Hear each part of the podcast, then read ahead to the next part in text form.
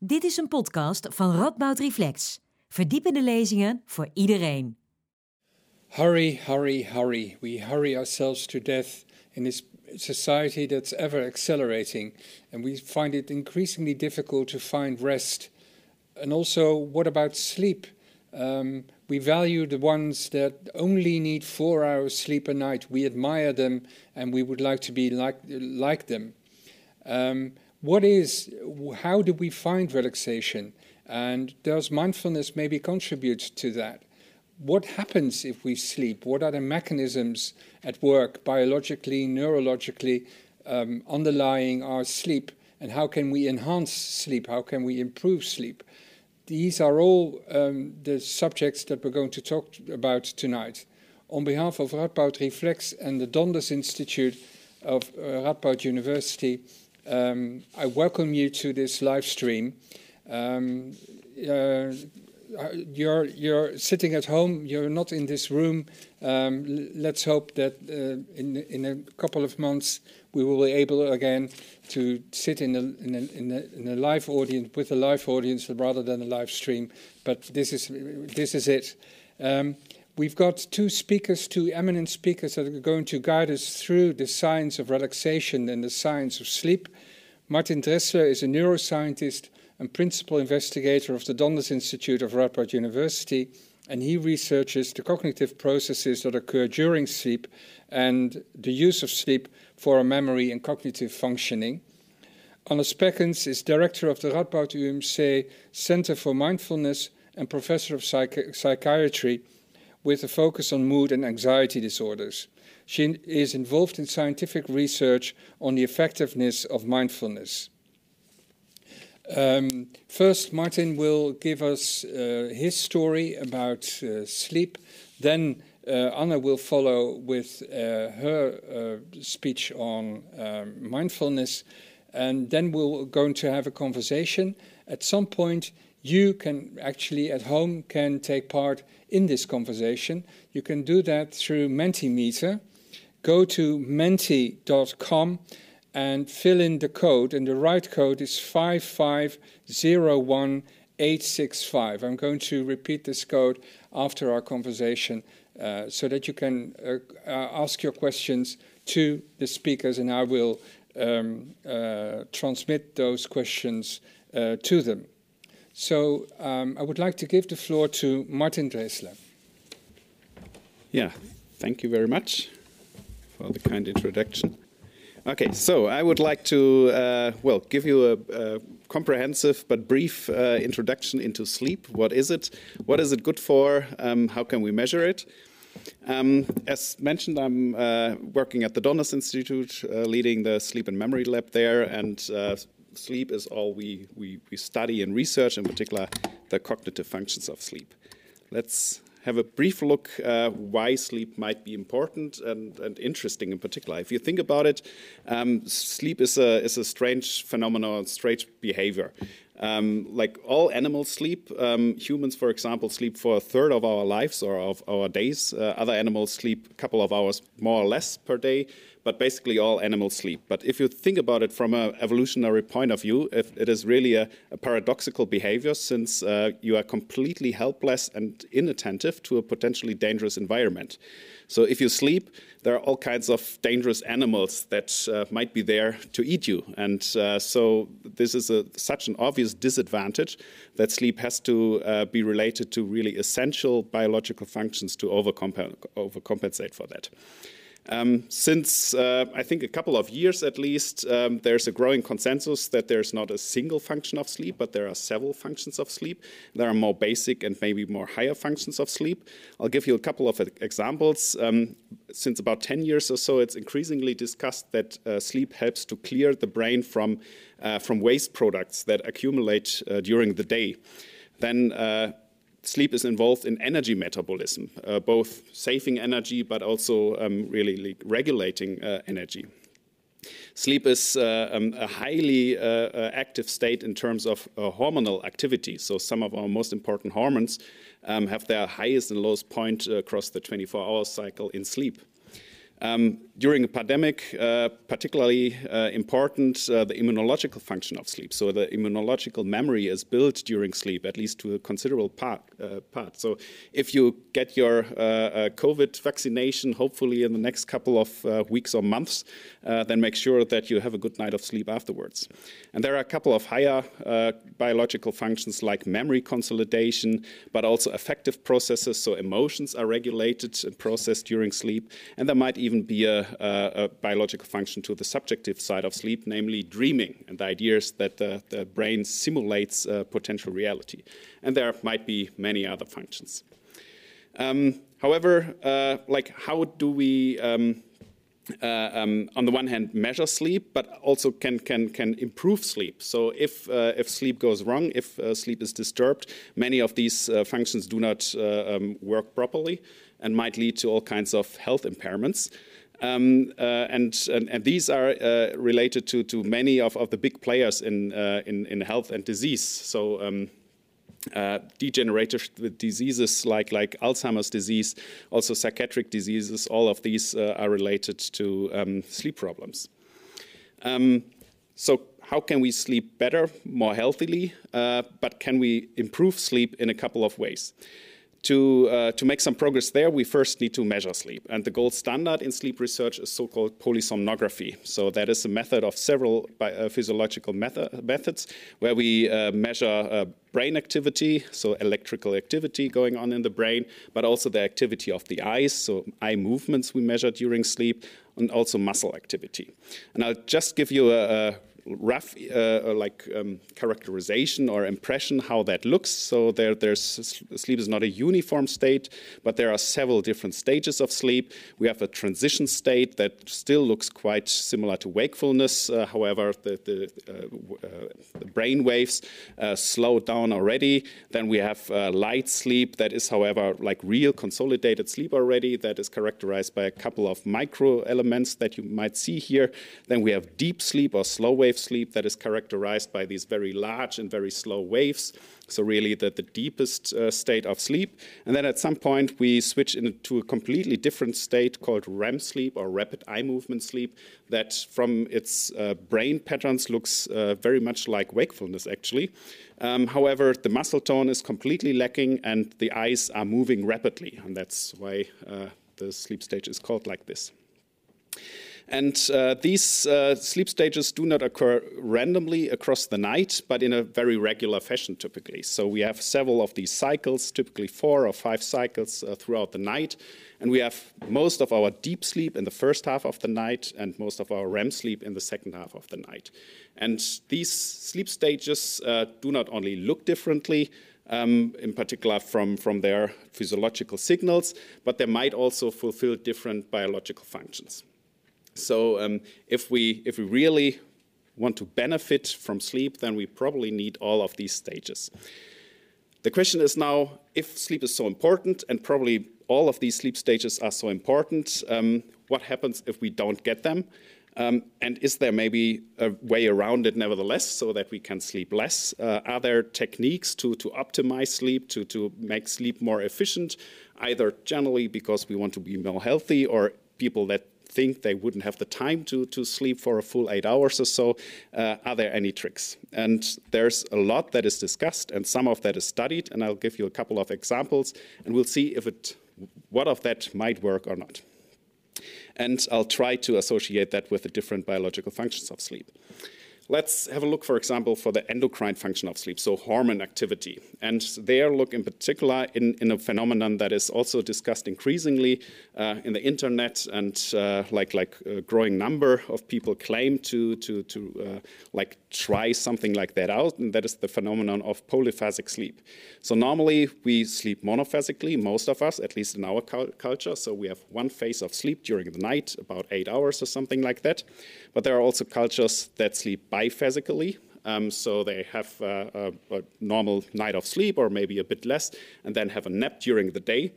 The question is, if if uh, if you feel refreshed after a nap, can't you have more naps and maybe less sleep during the night, and by that can make uh, sleep more efficient? And indeed, there is a discussion going on that uh, if you just have naps throughout the day without like extended periods of sleep in the night, uh, that you then in total could maybe get away with less sleep, uh, but still with the same benefits.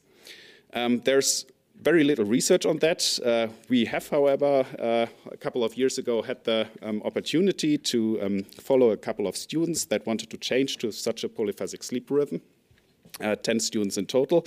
As you see here, uh, so on the uh, uh y-axis uh, on the left, you see these 10 uh, single students, and then on the x-axis, you see the number of days that they really made it on this rhythm in the sense that, like, like how long they, they willfully, voluntarily stayed on that rhythm. You see already after a couple of days, the first people dropped out. And basically, after four to five weeks, even uh, like the, the last uh, student dropped out. However, he was so kind to uh, come to the lab so we could really study him under this radical polyphasic sleep uh, rhythm, where he slept for um, six naps a day, just 20 minutes each. So, cumulatively, just two hours of sleep. And he did that for, for five weeks. Uh, and towards the end, he had him in the lab uh, in the beginning as well. So this was his uh, sleep um, across uh, the 24 hours, uh, like before he switched to this radical uh, rhythm. You see like this typical pattern that we have deep sleep in the first half of the night and more REM sleep in the second half of the night. And then, five, five, weeks later, under this polyphasic rhythm, uh, you see that indeed he has this uh, six naps of 20 minutes each, uh, so really just a total of two hours. And now the interesting thing for sleep researchers is, uh, at least, is if we zoom in here uh, into these six single naps, then we see that um, uh, the, the general pattern of sleep looks very similar to, to the normal sleep, meaning in the first two naps of the night, uh, he had most of his slow wave sleep, of his deep sleep. In the second half of the night, he had most of his REM sleep. So the general pattern of uh, sleep appears to be preserved. However, as I said, uh, we want to have a look into the endocrine function of sleep. So, what did his hormones do? And uh, a couple of hormones actually didn't change much, but with one notable exception, and that is growth hormone. Growth hormone is particularly uh, important uh, of course, if you still grow, so if you develop, but even as an adult, uh, it's, it's important for bone structure and other bodily processes. And uh, the interesting thing in, uh, uh about growth hormone is that, that almost all of our growth hormone will release in the first half of the night. And that's what we see here. So that was before he went on this polyphasic rhythm. Um, like most of his growth hormone was released in the first half of the night, and then it went back to almost zero. Now, on the polyphasic rhythm, so these six snaps of 20 minutes, um, we see that he almost completely stopped releasing growth hormones. So that was a, more than 95% reduction in the release of growth hormone. Uh, and something like that obviously cannot be very healthy. Um, so it is quite striking that it appears to be possible for some people to really live on such a rhythm. However, it cannot be very healthy. Um, let's look at some higher functions of sleep, memory. Um, so that's a, a, field that is uh, studied already since about 100 years, uh, but since uh, 20 years or so, it's increasingly studied. Um, and uh, we know by now from animal studies, uh, like what, what the neural uh, basis and mechanisms are. So if, if you have a rat, for example, like learning the way through a maze, um, and you record single electrodes, as you see here in the, in the colored sketch, um, then they might uh, be activated in a cer certain sequence. And now, if you record that very same animal afterwards during sleep, you see that the very same neurons or brain cells um, get activated in, a, in, in more or less the same sequence. And we call that replay or reactivations of memories, and that is thought to be one of the core underlying mechanisms of, uh, of the memory supporting function of sleep.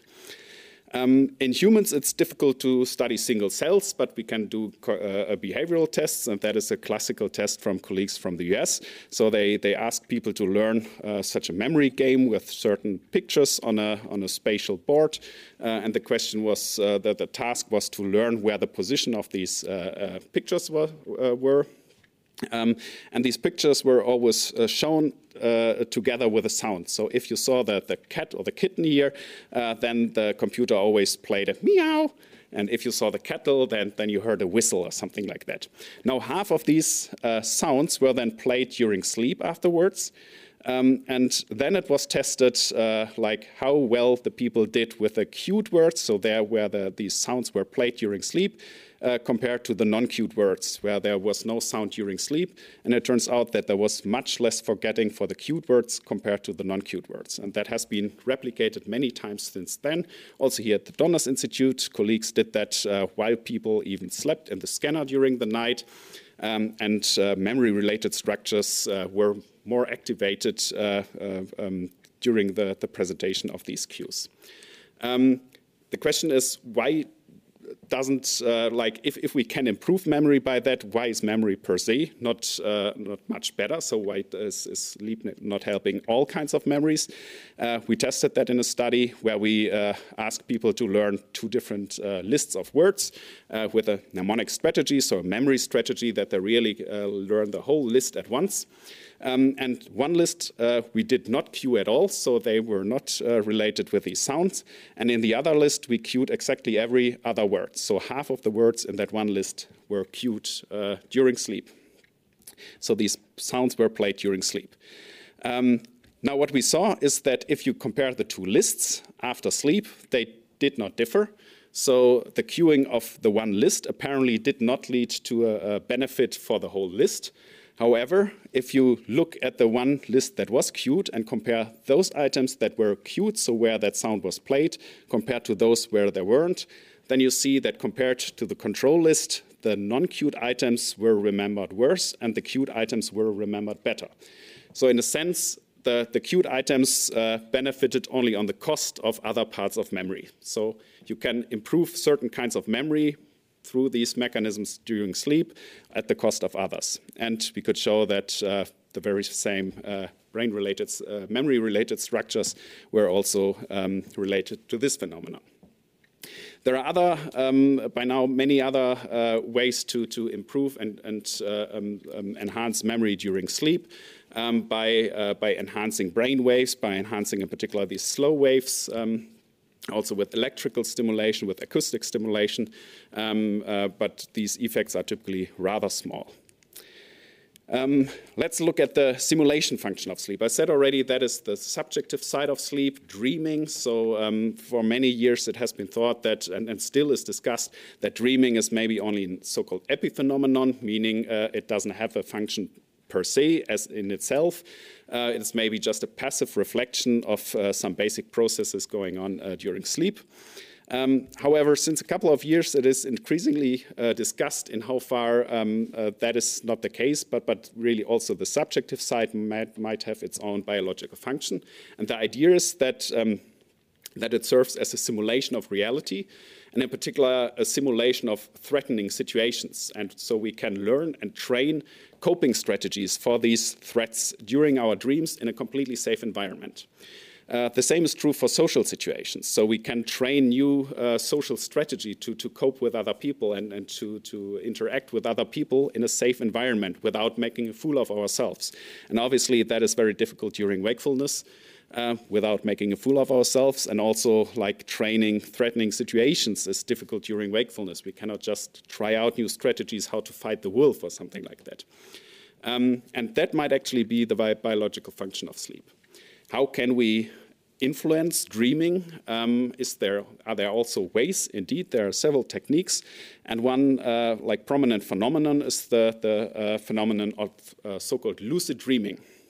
Lucid dreaming um, is the phenomenon of becoming aware of the dream during uh, ongoing sleep. So, if during a dream I realize, oh, this is strange, this has to be a dream, this is by definition a so called lucid dream. Um, lucid dream for many years, uh, um, well, about 10 years ago, so it, it, it uh, um, made its entrance into the, the wider pop culture uh, by, by the movie Inception, uh, but many other movies uh, uh, are there as well. Um, but for many years, it has been not taken overly serious. Uh, it was thought that uh, maybe it was a false memory or something like that, until about 40 years ago, when it was demonstrated that it's a real biological phenomenon.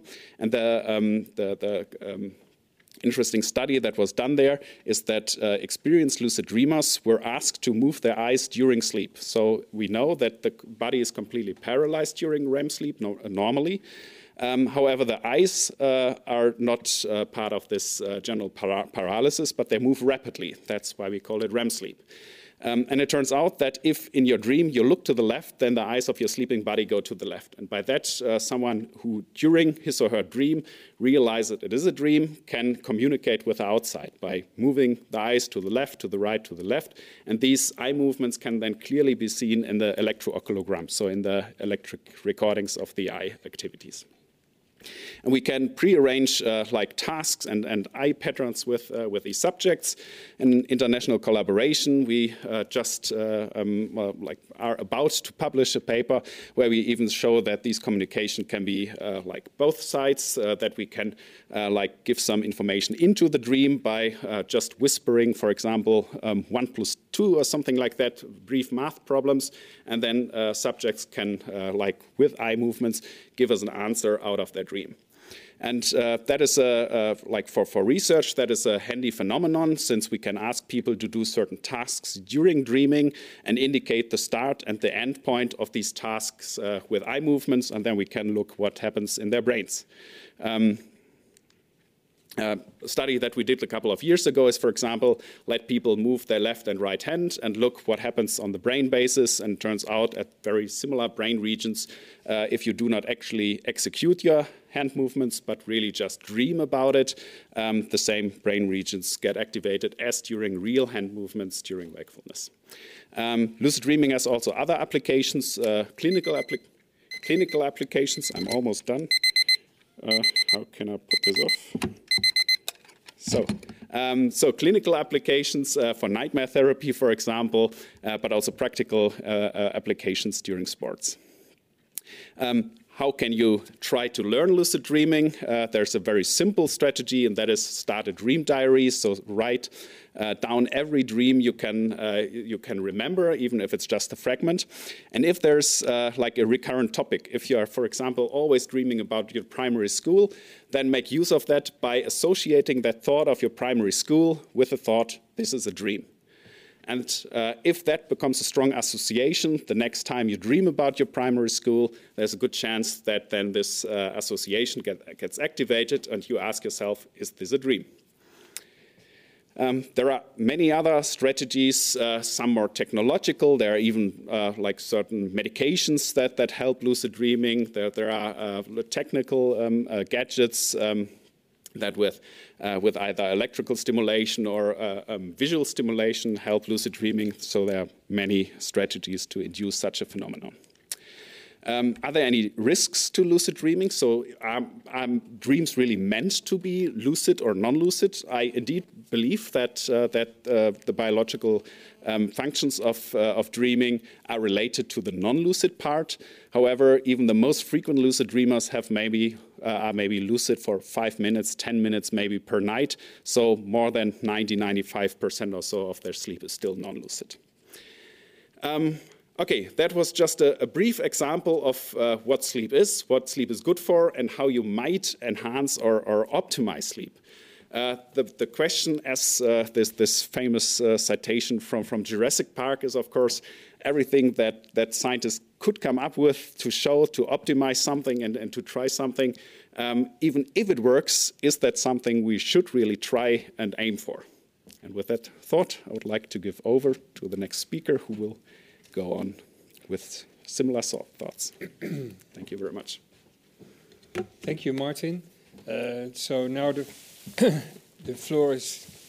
I give the floor to Anna Speckens, who's going to speak about the um, uh, about meditation, uh, mindfulness, and the effects of it. Anne. Thank you very much. It's a pleasure and an honor to be here although I'm not a dinosaur. I'm still looking at mice here, if I'm right.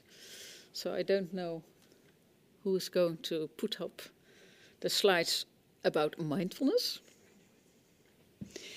So, as uh, you already um, have been told, my name is Anne Speckens. I'm a professor of psychiatry and I'm director of the Center for Mindfulness, which is located in the Radboud University Medical Center. Here's a picture of uh, our center. And at it, we um, provide mindfulness courses for patients with psychiatric disorder, because that's our profession, but also and increasingly to patients with chronic somatic conditions like cancer, for instance, or uh, patients with Parkinson's, multiple sclerosis. And we offer courses to healthcare professionals like medical students, um, medical and surgical residents, uh, GPs, or medical consultants, who, as you will know, have a, a, a pretty stressful profession, and we try to support them by offering them mindfulness um, courses as well. We do a lot of uh, scientific research, mainly on the clinical effectiveness of mindfulness based interventions, but also and uh, in collaboration with the Donders Institute and also with uh, Martin Dresler uh, uh, personally on the, the working mechanisms of mindfulness based interventions. So, what is mindfulness? A lot of you will probably have heard about it, and I have uh, brought uh, a definition that has been provided by Willem Kuyken and Christi uh, Christina Feldman in their latest uh, book about uh, mindfulness, the, the um, meeting of traditions from the East with the traditions from the West, as a, um, a natural, trainable human capacity to be present in the current moment, to bring attention to that moment and awareness to the, uh, to the whole of the experience, and in a particular way with friendliness, with curiosity, without having a, a judgment, um, with discernment, and in the service of suffering less, enjoying greater well being, which was the title of my talk, and um, leading a meaningful, rewarding life. And we'll get back to that at, uh, at the end of my presentation. And uh, this is a picture of Jon Kabat-Zinn. He, he actually designed the mindfulness courses as we are teaching it now all over the world. Uh, and he, uh, he called that the mindfulness-based stress reduction, uh, an eight-week course in which uh, he taught these mindfulness skills to groups he taught them to, to much bigger groups. We, we teach them to groups of, of 8 to 12 participants, um, which come together uh, an afternoon or an, a morning, two and a half hours, and um, uh, practice together, discuss what they are experiencing during the practice. And people are asked to, to, to practice those mindfulness uh, uh meditations daily, on a daily basis, in between the sessions and a silent day in which people practice for six hours um, uh, on a day is part of the program as well. So, what do people learn from mindfulness? First of all, they learn to stop, to get out of their habitual pattern, like we all uh, are, of, of uh, leading our lives according to our diary. So, they, they get out of that pattern they uh, start noticing where their attention is. They learn to, to, to bring back their attention to what they want to focus on, concentration. They, um, they start to, to allow the experience as it presents itself without judgment, and by that, they, they learn the, the relationship between sensations they experience in their body, emotions, thoughts they might be having, and also, they, they start noticing their own automatic patterns, patterns of how, of, of um, reactive patterns, and they can be compensatory patterns or avoiding patterns. And the moment you start to, to notice them, um, you create some space to, uh, to choose whether you want to follow those or whether you want to, uh, to react to a particular situation in a different way. And that can be by allowing negative emotions rather than repressing or avoiding them, and letting go of automatic reactions rather than, than uh, unquestioningly following them.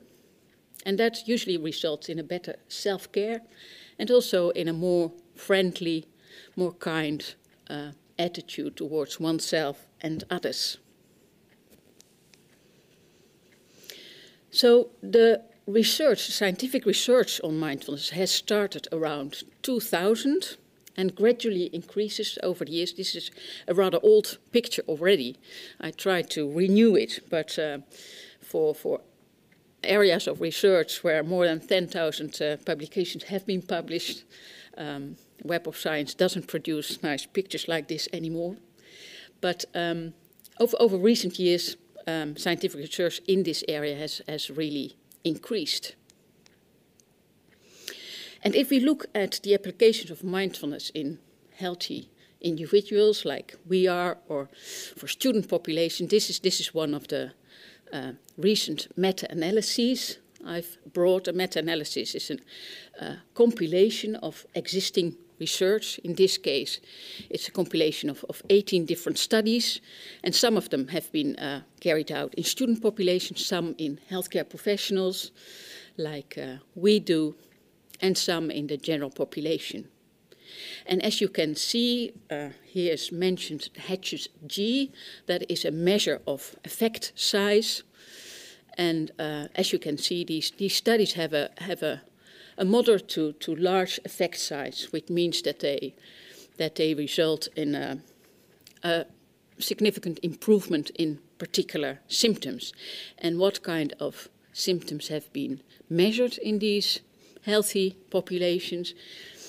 Sometimes there are um, measures of anxiety, depression, stress, psychological distress, which is a, a combination of uh, anxiety and depressive symptoms. Burnout questionnaires have been used and quality of life measures. And as you can see, across these uh, variety of, of psychological measures, the, uh, the effect sizes of the mindfulness based intervention have been uh, have been mostly large, slightly less in burnout, interestingly, for which uh, mindfulness has been uh, yeah, uh, usually applied. And here you can see a, a sort of rough association between, between the extent of mindfulness and compassion skills that people cultivate and the extent of the improvement of, of anxiety and depression, for instance. And as you can see there, there seems to be an association so that, that um, suggests that, that the cultivation of mindfulness skills and, and compassion skills can contribute to the reduction of both anxiety and depression. Now, Martin will be glad to hear that there's also quite some neuroscientific research now on mindfulness. Um, and this is actually a, a meta analysis of structural MRI studies, so looking at the, the structure of the, the brain, the density of both the, the white and gray matter. And these, are, these studies are usually sort of comparing long term meditators with meditation naive people, or uh, comparing people before a mindfulness course and after that.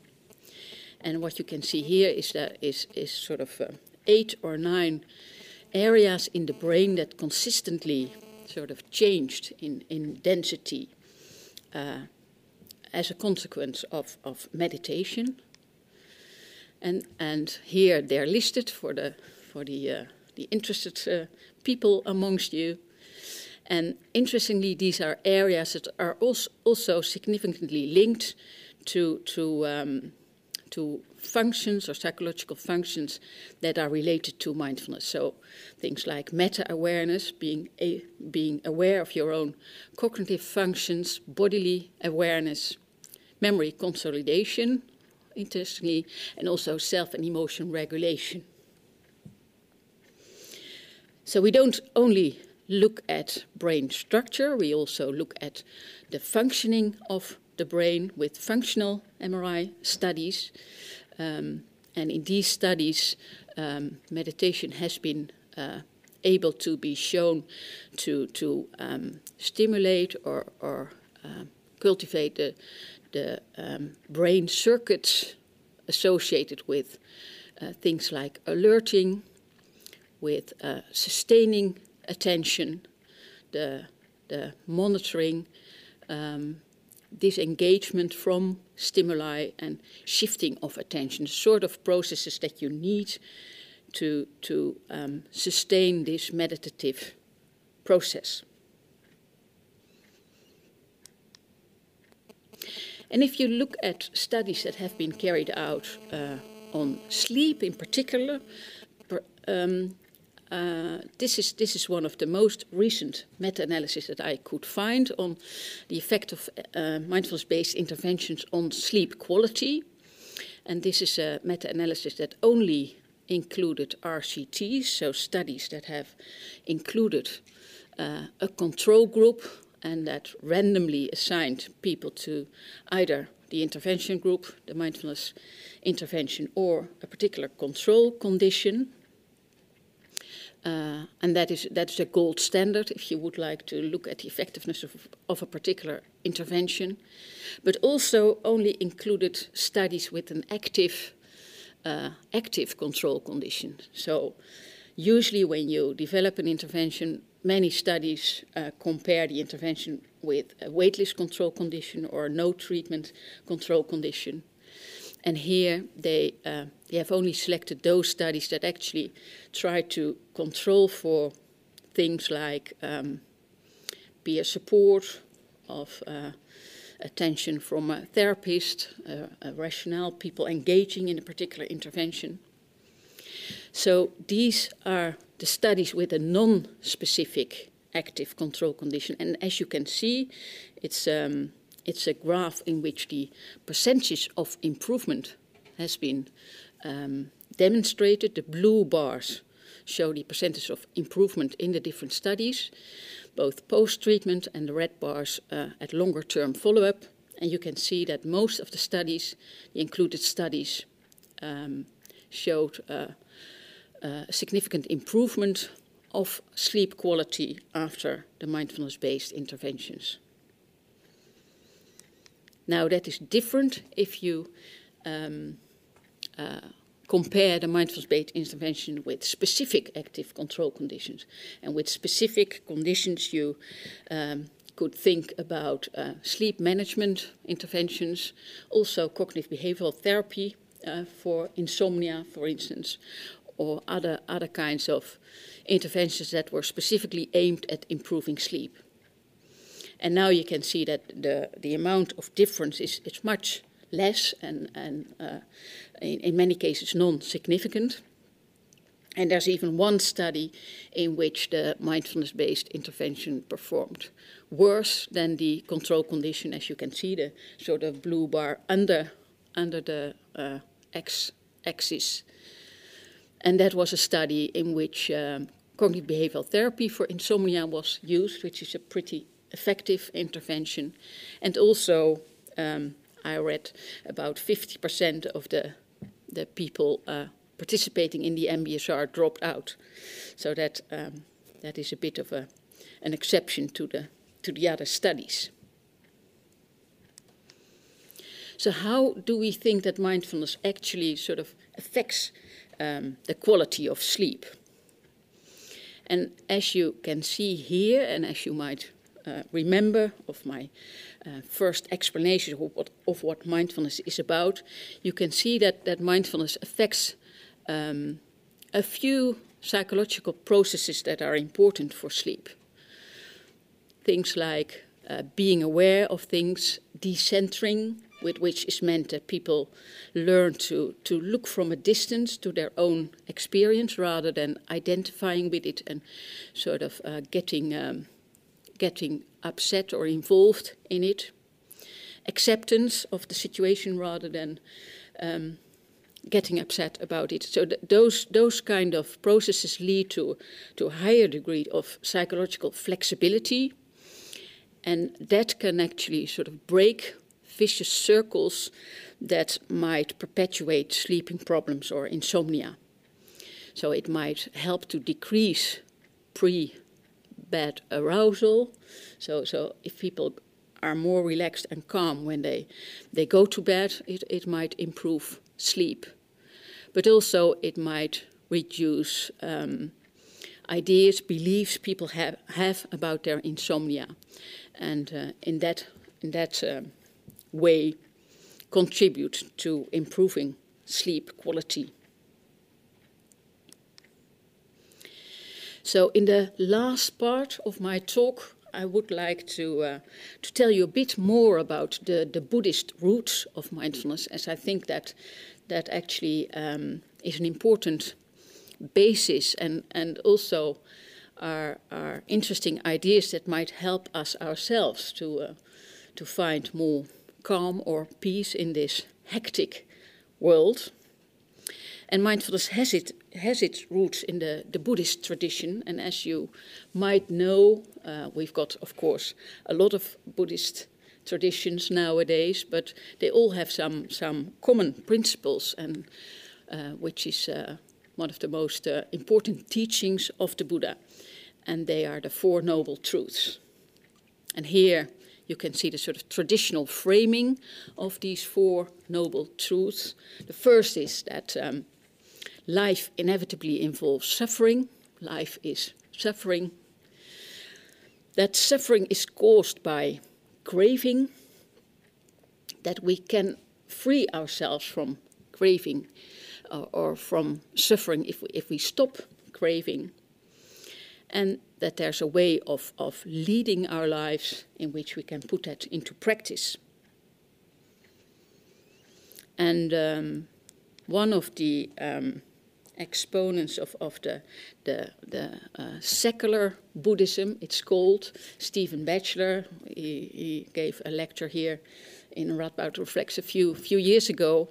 He, he translated those more classical formulations into, into language that we as, as modern uh, human beings might be able to better relate to and I've uh, listed them here for you. So he calls them the four great tasks, as, as some of the things that we might actually sort of um, engage with in our lives. And the first is to experience life, experience life to the full, and acknowledge, understand it, embrace it, particularly the parts of life that might be difficult for us. Now, we've, got ample of exa- examples nowadays, of course, that we're confronted with in this uh, corona epidemic.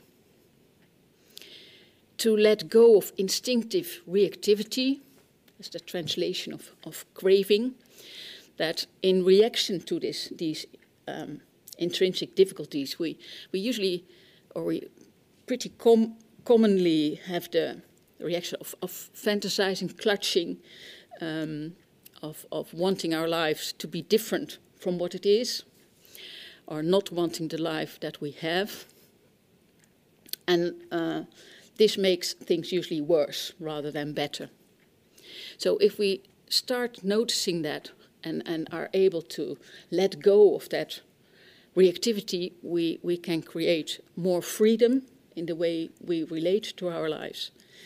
And um, and, and freedom to choose how we would like to, to lead our lives, even in the face of difficulty. And we could then um, uh, respond, um, choose what we would like to, to spend our time on, what kind of values we would like to, uh, to, to follow or to, to actually um, um form in our lives and to cultivate a path, as he calls it. And that path, it, uh, in the Buddhist tradition, is called the Eightfold Path, can, um, can take form in different dimensions. Here there are lis- listed as the, as the classical eight, eight, uh, eightfold, eight, eight factors that it consists of. To have uh, an understanding of what your life um, consist of, to, to be clear in your intentions, to, uh, to be wise and compassionate in your com- communication with others, that you, uh, in the things you do, that you do that on a, an ethical ground, that you choose your work properly, choose a work that, that you actually sort of um, contribute to, to the values you adhere to, to put effort also in your own spiritual development, to cultivate your presence of mind, and to cultivate mental integration. And if you're able to do so, uh, and this is the, the quote I would like to, to close off with seriously tackling these four tasks lead to a process of awakening, of realizing our full human potential to live intelligently, compassionately, and hopefully with wisdom. Alone or with others, we can experience the deepest fulfillment that we humans are capable of experiencing. Human flourishing is also uh, the term that's being used for that. So that is what I had to say. Thank you very much. Thanks for your attention. Thank you very much, uh, both of you, for your interesting and uh, valuable uh, lessons that we've uh, learned. Uh, maybe um, a first question uh, to to to Martin, um, but actually maybe also to you. Um, if sleep is so important as you sketch it, why do we value it so little uh, in our society? Why do we find it so important to have as, uh, as little sleep as possible, etc.? That's a very good question, and I cannot answer it. um, I, I, think most sleep researchers actually value it quite a lot, not only because they, they do study it, but also mm -hmm. from the subjective side. And I think um, it is not that widespread that it's uh, valued so little. I think many people do value sleep quite a lot, mm-hmm. um, and I think latest when you when you run into sleep problems. So if you have insomnia, real sleep disturbances, then you value it all the more. So sleep disturbances are in, in many psychiatric disorders are one of the key symptoms where patients complain most about it. Mm-hmm. So even if uh, if you have a busy job and would like to have a couple of hours more per day, as soon as you run into problems, psychiatric problems, and you experience sleep disturbances, then latest, I think uh, most people will start to value sleep quite a lot. Mm-hmm. Um, and what about relaxation? The um, isn't that the same the same point? Uh, are we are we able actually to value that as much as we should uh, if we listen to you? Yeah, well, I, I talked a bit about um, craving as, as sort of a way to get out of suffering. And, and one of the, the sort of many of the things we culturally crave for are success, for instance, or power, or being popular, or being seen as someone who's, who's um, attractive or sporting or whatever. So all these cultural values we, we as a as a as a society sort of crave for are things that are opposite to sleeping and being relaxed, yeah. to be yeah. honest. Yeah. And even within a university um, environment or an academic environment, what what is sort of valued there is uh, publishing papers and presenting uh, lectures at international uh, yeah. conferences and travel from here to there and and have a high impact, uh, whatever. Mm-hmm. Yeah. So um, I think um, it's difficult as an individual to disengage from that pull that mm-hmm. that's uh, being exerted upon you and um, choose to to uh, spend time in your life to sleep or to spend on other things that are fulfilling and relaxing, like singing in a choir. Mm-hmm. Yes. Yeah. Um, but um, an, another question uh, about mindfulness. Um, so mindfulness could be a strategy to have more relaxation in your life, but the the way you brought it, especially the last couple of slides, um, mindfulness seems to be part of a much larger uh, form of life, uh, so to speak. Uh, so mindfulness is only one of the strategies that you you mentioned. Am, am I right about that? Yes, mindfulness is one factor that that sort of um, usually leads to a process in people of um, getting insight, getting insight in their own reactions, their own patterns, and uh, not unusually leads to a realization in people that they, they for instance, they um, ask themselves much more in their work than is actually reasonable, and that they so um, and that's actually also the aim of it that it that it might lead to um, to um, to get your life or to, to lead your life in a way that's more appropriate, more suitable, more fulfilling.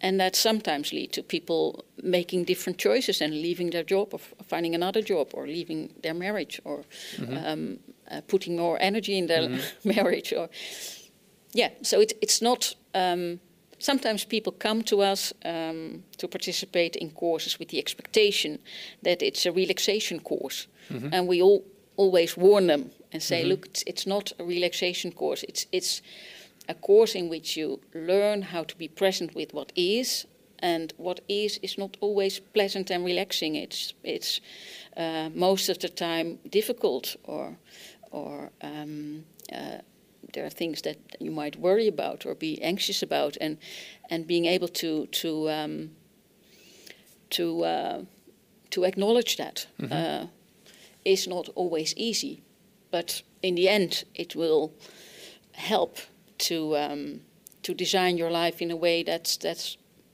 better suited and more helpful. Um, there is a, a- a broad relation between relaxation and sleep. It, the, the relation is so is so that uh, you are even engaged in a, in a joint project. I I, uh, I just heard. Uh, could you tell us a little bit more about that? Yeah, it's it's it's a project uh, where we we look at the effects of mindfulness training on inflammatory bowel disease, and uh, in particular in how far mindfulness uh, like helps to reduce stress and by that uh, help to sleep better. And what we are particularly interested in is uh, the interaction between all of these uh, elements. So in in how far um, stress might be a mediator or sleep might be a mediator. Uh, so, what is really the, the mechanistic functioning of if mindfulness works in this disease? Uh, what is the mechanistic functioning? So, does does sleep uh, play a mediating role, or is, is completely separate? So that that, uh, that you might have like a benefit in this part of life and this part of life, but completely independent. Uh, but from a scientific pers- perspective, of course, it's always more interesting if if, if these different variables and elements are connected and, and then figure out might might there even be a causality in that or that direction. hmm And it's also meant to improve sleep for people that have these that have these problems. I guess. Exactly. Yeah. Yeah, Yeah. as Martin has pointed out, sleep problems are very common in people with both um, psychological problems and in people with somatic conditions, and it's it's um, often a factor that's actually sort of um, um, worsening the con- the underlying condition.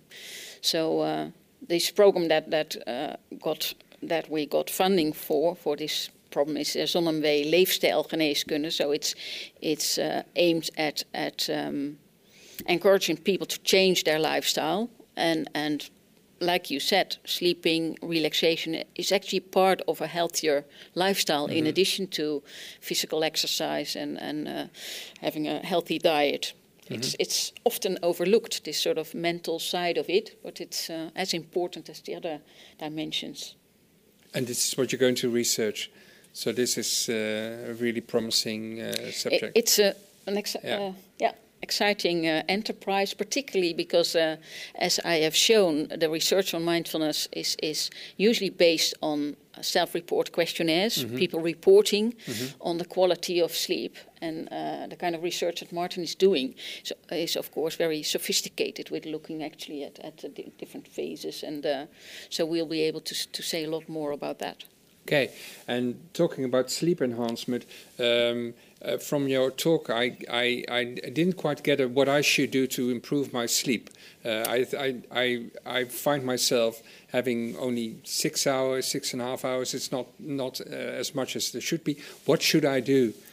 There, are many strategies, and uh, I I think one of, one of the key strategies relates very much to to, uh, to mindfulness, um, and, and that is worry less about sleep. So that, that Ah. is one of the key problems in insomnia that that people worry too much about their sleep and, and have sort of uh, dysfunctional uh, like cognitive uh, beliefs uh, mm-hmm. about what sleep has to be and, and how sleep should look like. Mm-hmm. And uh, just accepting that, that every once in a while you have a bad night, and uh, in particular, accepting that, that healthy sleep does not mean that, that you go to bed and immediately fall asleep and for eight hours, like, like sleep without awakening once, and then waking up uh, fresh in the morning. That just doesn't happen even, even in the most healthy sleeper. And, and just mm-hmm. accepting that, that, that sleep um, like is uh, like related to some arousals during the night, maybe some brief wakefulness periods, and so on. That is already a really big step. Since if you worry too much, then that becomes a vicious circle, mm-hmm. and you start going to bed worrying, and, and that worrying might actually keep you mm-hmm. from, from, from sleeping. Yeah, so you get into a circle. Yeah.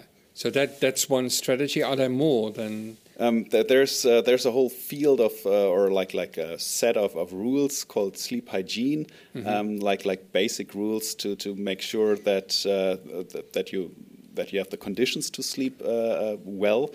Uh, for example, try to sleep in a dark room, in a quiet room, of course. Um, get up at the at the same time in the morning. Not necessarily go to sleep at the same time, but only go to sleep if you are really tired. Um, so that is also part of, of this like self-reinforcing dysfunctional uh, like worrying. Do not look at your iPhone during the night. Of yeah. course. yeah. yeah. Uh, in, in not only iPhone, but but use your bed and your bedroom for sleep and not for work and and and uh, other like daytime activities. Um, so so that that also like uh, cognitively you associate your your bedroom with sleep and not mm -hmm. with worry and work and stress. Mm -hmm. Okay.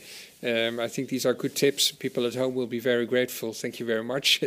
um, um, coming back, I'm, I'm, trying to find a bridge between uh, mindfulness and and sleep. You you talked about the effects of mindfulness on uh, sleep. I didn't quite quite get that, but the, the the basic message is that mindfulness improves your sleep, right? Yes, and, and one of the, the ideas that links into what Martin is talking about about worry or rumination, it's sometimes called. We know it, that's an important factor in, in many uh, psychological problems like anxiety and depression. That people either worry too much about what's going to happen tomorrow, or they ruminate too much about what happened yesterday. And um, what we do know about mindfulness-based interventions that be, because people become more aware of what's going on also in their in their minds, they're able to recognize that better and um, let go of that. So, uh, reduction of rumination is one of the, the possible working mechanisms of mindfulness, and also one of the mechanisms that might help um, to improve sleep quality. Mm-hmm. Mm-hmm. Yeah. Yeah. So it, it, it really works.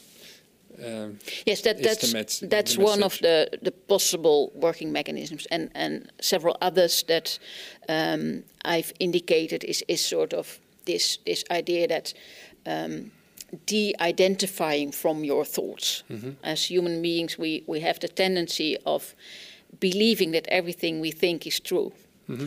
and also believing everything we feel is true, and and that's a way that we we actually sort of um, work ourselves up about mm-hmm. things.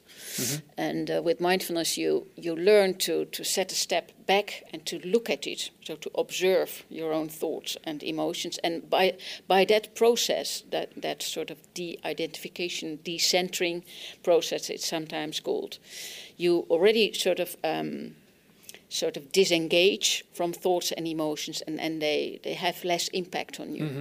Mm-hmm. So that's another process that might help, for instance, with these ideas or expectations about thoughts, to, to realize, oh, it's just a belief. It doesn't need to be true. Um, even if I don't don't sleep uh, long tonight, it doesn't mean that I will mess up my presentation tomorrow. Mm-hmm. And and let go of that. Yeah. Yeah. yeah. So that's uh, another possible mechanism. Yeah. yeah. Thank you. Um, we go to the questions of the audience. Um, as said, you can ask your question through menti.com and use the code 5501865. I think we already have, um, let's see, um, a couple of um, questions. Oh, yes, a whole list. Um, Oh dear. I hope I know the answer. so that's the way we. We'll, we'll see. It we'll usually see. sort of We'll uh, goes. uh, you, you'll be you'll be you'll be you'll be fine. Um, uh, what happens? That this is a question, obviously, for Martin. I think. What happens to the brain during sleep par- paralysis? Is there a difference in brain waves during dreams compared to nightmares or fever dreams? So types of dreams. Yeah, so sleep paralysis, uh, for, for people who have never heard about that Yes. term, is, uh, is the phenomenon of, of waking up and not being able to move. And uh, as, as shown in the introduction, um, REM sleep is associated to full uh, um, like paralysis of all bodily muscles. So, so we are really actively paralyzed uh, during, during REM sleep. Um, and normally, the, the brain is a, is a highly synchronous and, and, and uh, well tuned machinery. Uh, and therefore, if we change from one state into the next, from non REM sleep into REM sleep, or from REM sleep to uh, sleep into wakefulness, for example, all of these uh, different um, like processes in the brain change at the same time. But sometimes it happens that, that some of these processes or some of some brain regions uh, need a bit longer, and that is exactly what what's happening in sleep paralysis. That uh, that the like the brainstem contr- con- controls this uh, muscle paralysis.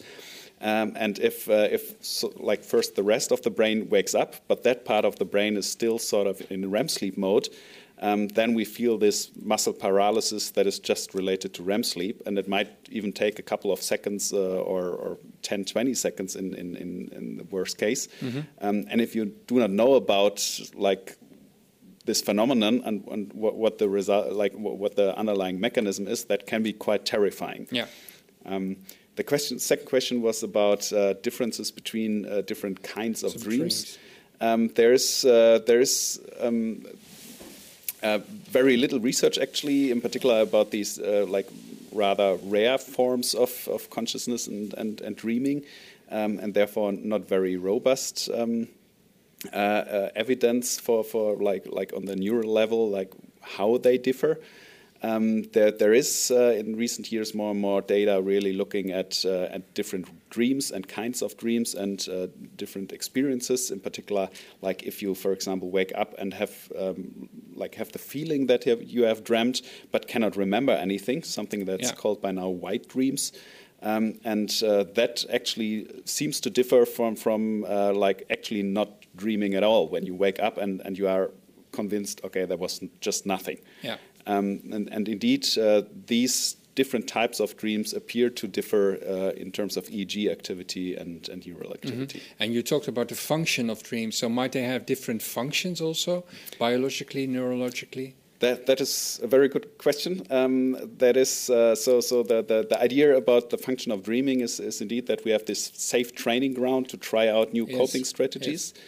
Um, and I mentioned already that, that I do believe that, that non-lucid, non-lucidity, non-lucid dreams uh, like um, might have a function uh, or a benefit.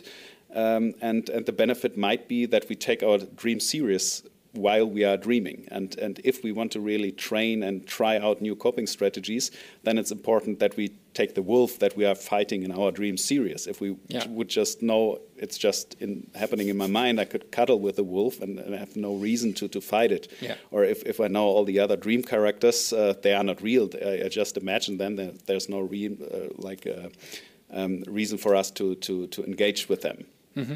Um, uh, there are also other kinds of dreams, uh, like that. There, like uh, dream consciousness differs uh, in in different sleep stages, at least uh, like like somewhat qualitatively.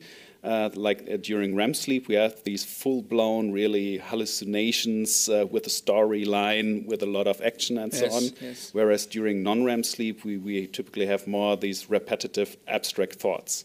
And there might indeed be, be differences, um, and, and this like simulation function of dreaming probably happens more during REM sleep when we have like a real full-blown movie that we are part of.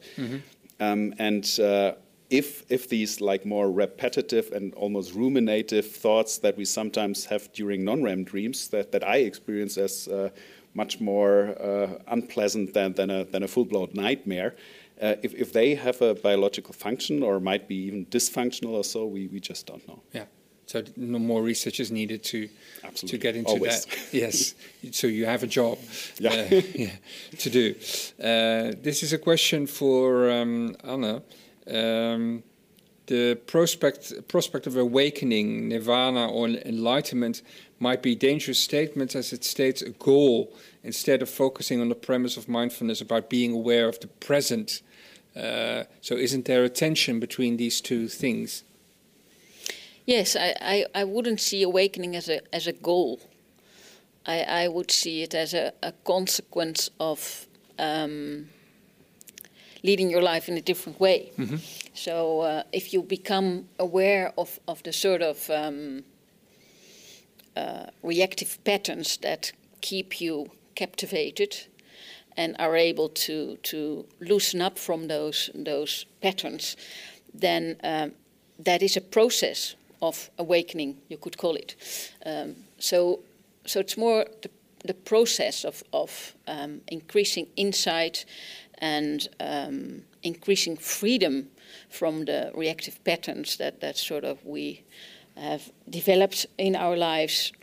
That is um, that I mean by awakening. So it's it's not a sometimes Goal it's seen, of course, by Yeah. people as as a, as a sort of goal to strive towards, and and that's the eternal, uh, sublime, whatever it Mm-hmm. is. But the um, the way that that um, I work with it, and that also Stephen Batchelor sort of talks about, it, is much more working in progress, Mm-hmm. basically. It's the it's it's the the way, it's the route, not the goal, not the destiny. That's important. Yeah, yeah, and it and like uh, more things in life, it's it's sort of it goes with ups and downs, and sometimes you have moments that that you feel that that spaciousness, and sometimes you realize, oh, I'm I'm. Um, uh, I find myself again in the same pitfall as ever, and sort of Yeah. yeah. Yeah. Okay. Um, to both, um, question about lucid dreaming. Is there a relation between lucid dreaming and mindfulness? It, uh, it feels that applying mindfulness in its stimulation of threatening situations can be very beneficial. That's an interesting question. There's may, maybe empirically, I directly start that there, there's actually uh, um, an association. So there are studies showing that uh, mindfulness, as assessed by questionnaires, for example, so the trait of mindfulness, um, that is associated with the frequency of, frequency of lucid dreaming. So people that, that are more mindful, at least according to questionnaires, um, tend to have more lucid dreams. Um, it is also the case that, that people with many years of mindfulness training um, have more lucid dreams than people without any mindfulness training. Um, somewhat surprisingly, um, if you train like naive people in mindfulness, uh, at least for a couple of weeks, that does not seem to have an effect on lucid dreaming. What do you mean by naive people? like like people who have uh, either never dreamt lucidly before or have never received any mindfulness Yeah. training before. Yeah. So so th- like the, the typical trainings that are also done here. Um, so it's something uh, for if that you takes time to exactly if, if you if you if you just like train for even a couple of weeks, that does not appear to directly influence lucid dreaming frequency. But is it that they, they have more lucid dreams, or is it that they might be more aware and, and report them more often? that might be the case. Might even be that, that people with more lucid dreams tend more to to like uh, like engage in years Be- of be mindfulness more training. interested in- yeah. So so we, we do not know about the causality there. Mm-hmm. We'll, we'll come back to you in four years' time with more information on Yeah, that. yeah, yeah, yeah. Because this is this is part of your your project. Well, dreams actually isn't, but we might we might uh, include it Yeah, now. it seems seems an interesting Yeah. uh, interesting question. Yeah. There, there, there is an, in, in Buddhist culture that there is even, or in certain Buddhist cultures, that there is uh, like a tradition of so-called dream yoga, which, which basically is lucid dreaming. So that, that like certain um, like Buddhist practitioners like seek to, to get into a lucid dream or become aware of their dreaming as a as an environment or state where, where they can practice mindfulness even, even to a higher degree or purer form or something like that. Here, there's a more uh, philosophical question. Um, is relaxation a greater task nowadays than before? In other words, does a society ask too much from us and therefore is a danger for our need for relaxation? That's one for you, I think, uh, Anna. well, I don't know whether you've seen the social dilemma. Yeah. The sort of uh, yeah. So so of of course with with all these social media and the, the information overload that we um, we need to process or, or um, get pushed upon us.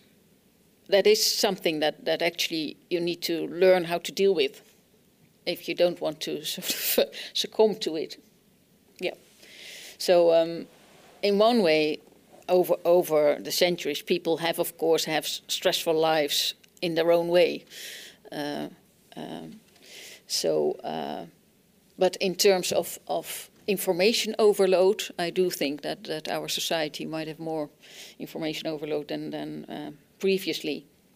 And that, uh, that, of course, endangers uh, relaxation if, if you continuously are, are uh, reading emails, looking at uh, uh, Netflix mm-hmm. series, don't have any time to, to sort of um, to calm down and to process actually what you have mm-hmm. seen.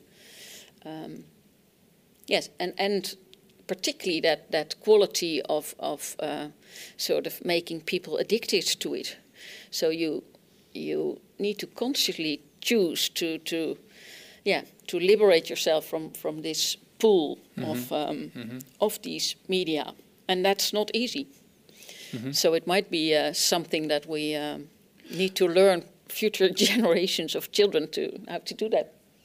But but but couldn't you say that um, um, that people are over awake uh, because mindfulness is about being awake in some in some respects. People are really awake all the time with their, their devices and uh, Netflix, etc. Et that that you could, you could also style that as a good thing. So people are people are present and they're very much present in the now.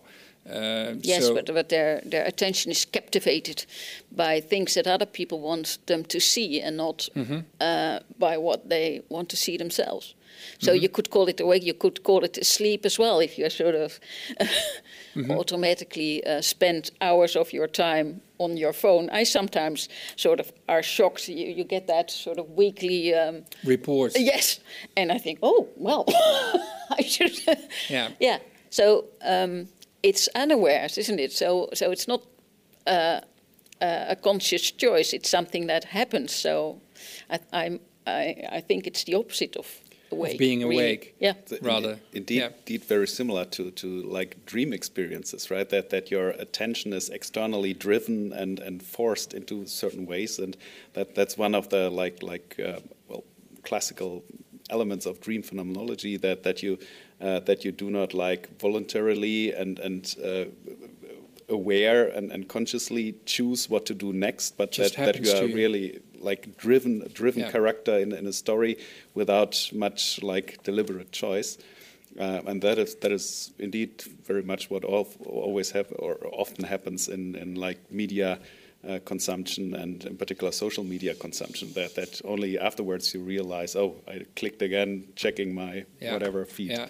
So so physiologically biologically you could actually see that as as dreaming rather than being awake yeah. as I said yeah okay um, um, this is a personal question for for Martin, uh, but maybe some that um, many viewers have. I frequently wake up around four four thirty. Which phase would that be, and what can I do to stay asleep and sleep deeper of that uh, of that time? So that's yeah. a bit of personal advice. Yeah. So so the, the, so the early morning hours is that is more like the depending, of course, when when you go to sleep. So so they're like.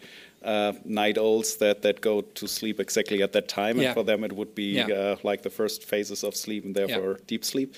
But for for most uh, uh like like like ordinary people, ordinary chronotypes. Um, that is that is the second half, and uh, therefore it is either light sleep or it is REM sleep. Um, however, we, we often awake exactly at the transitions between these sleep stages and, and normally go back to sleep quite rapidly.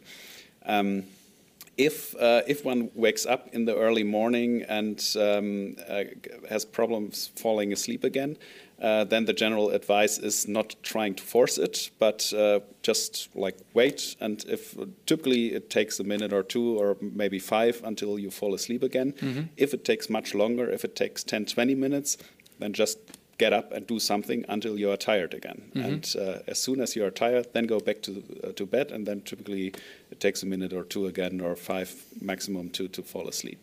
But do not try to force yourself into sleep, since that yeah. will not work. Yeah. And do not click your NOS app and, and yeah, uh, yeah, exactly. follow the That's latest what I news. do. Yeah, and then yeah, it's not very effective. No. Yeah.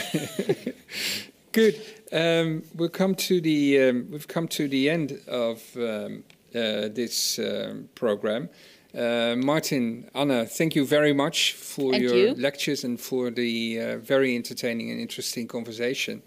Um, for the viewers at home, um, did you enjoy this program? Did you enjoy most of our programs? And do you want to support Radboud Reflects uh, with more than a like or a follow?